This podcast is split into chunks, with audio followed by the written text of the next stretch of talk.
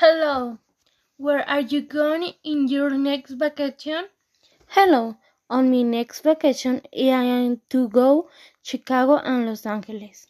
When are you going? It is scheduled that I will leave on June 25, which is when my flight leaves. Where are you going together? I am going to visit my family that I have and uh, a tourist to me. What are you going to do there? I am planning to start a month 15 days in city. How long are you going to stay there?